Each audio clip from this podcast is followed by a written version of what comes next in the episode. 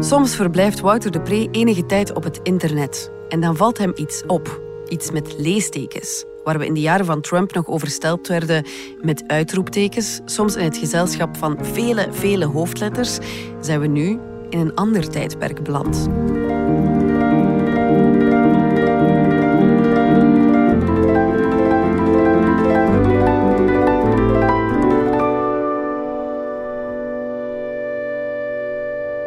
Is dit het tijdperk van het vraagteken.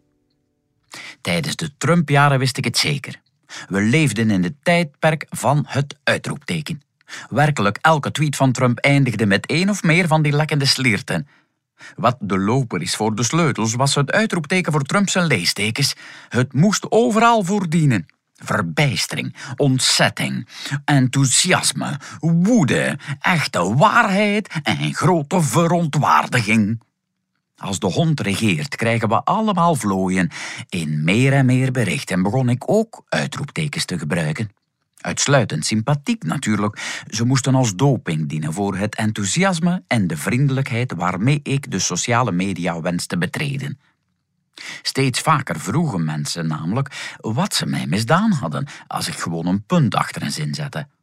Maar door de massale overconsumptie kende het uitroepteken een waardevermindering als van de Zimbabwaanse dollar. Je mocht honderd uitroeptekens achter een zin plaatsen, nog leek je neerslachtig. En om nu als enige te blijven roepen, zo hard wou ik ook niet vastzitten aan een leesteken liet het een leemte na die ik dringend moest vullen met een ander leesteken? Was het nadat ik weer eens twee uur weggesurfd had dat ik besloot mijn surfgeschiedenis te bekijken? Had ik me niet aan mijn verslavingsregels gehouden? Ik klikte op mediawebsites toch geen titels met verleidelijke citaten meer aan? Ik klikte toch ook niet meer op artikels met getallen in de titel? De zeven beste manieren om koekjesdeeg te maken, de twaalf beste manieren om je hond op het juiste moment te laten ruiven, dat deed ik toch niet meer? Zorgt deze pandemie voor doorbraak van de robots? Had ik dus blijkbaar aangeklikt. Begrijpelijk, je wilt weten of je in de nabije toekomst als slaaf de schouders van een cyborg zult moeten insmeren met koperpoets om er de metaalmoeheid uit te masseren. Ik herinnerde mijn teleurstelling toen het artikel over minder begaafd ijzerwerk bleek te gaan, dat je bij de ingang van de winkel aanmaand je mondmasker op te zetten. Een roestige variant van de prehistorische papiermonsters uit de Efteling, quoi. Bij het aantreffen van zijn de huisdieren hun thuiswerkende baasjes beu in mijn internetgeschiedenis, was ik al wat meer verwonderd. Ik kende het antwoord toch al? Mijn hond geeuwt telkens ze mijn kop bekijkt tijdens nog maar eens een nieuwe telewerkdag. Soms geeft ze een beetje over als ze mij ziet zitten.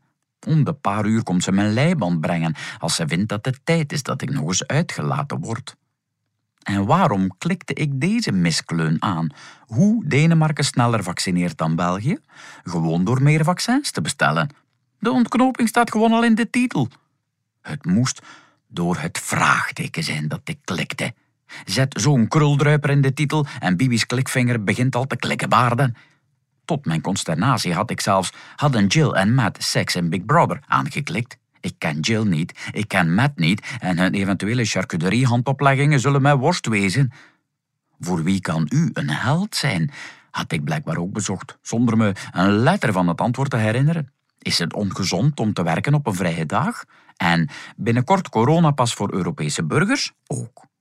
Tegen het einde van de dag had ik steeds grotere porties vraagtekens nodig. Waarom zijn smartphones nog altijd leeg na een dag intensief gebruik? En waar blijft de superbatterij? speelde een vraagtekendealer handig op mijn groeiende verslaving in. Met trillende vingers typte ik in de zoekbalk R question marks in titles addictive een zalige roes kwam over mij toen ik het artikel Do Questions Make Good Titles aan.